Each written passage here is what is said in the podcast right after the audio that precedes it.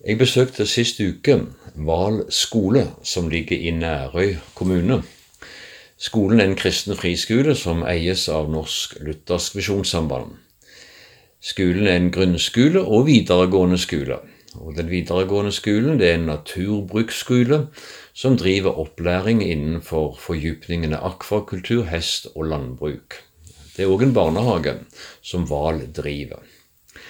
I samtale med ledelse og ansatte ved skolen så ble jeg fylt med en glede og takknemlighet som jeg har lyst til å dele. Her møtte jeg mennesker som brenner for å gi barn og ungdom kunnskap og verdier som kan være med og bidra til at den enkelte får utvikle seg på en sunn og god måte. Skolen har et godt renommé som faglig dyktige. Elevene blir sett som hele mennesker, og Det betyr òg at vi ønsker å få gi de åndelige og gode verdier, slik som Bibelen forteller oss det.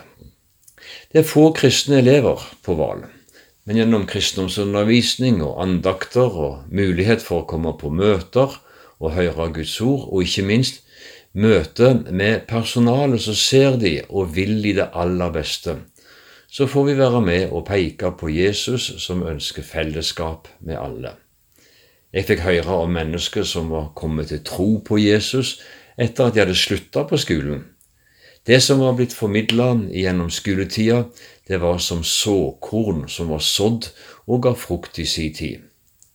Det var fint også å få høre om en som fortalte at det hadde skjedd noe med han i løpet av de mange årene han hadde vært på Hval. Han var tydelig på at han ikke bekjente seg som kristen ennå, men han merka at det var noe i det kristne budskapet som han måtte få tak i og tro på.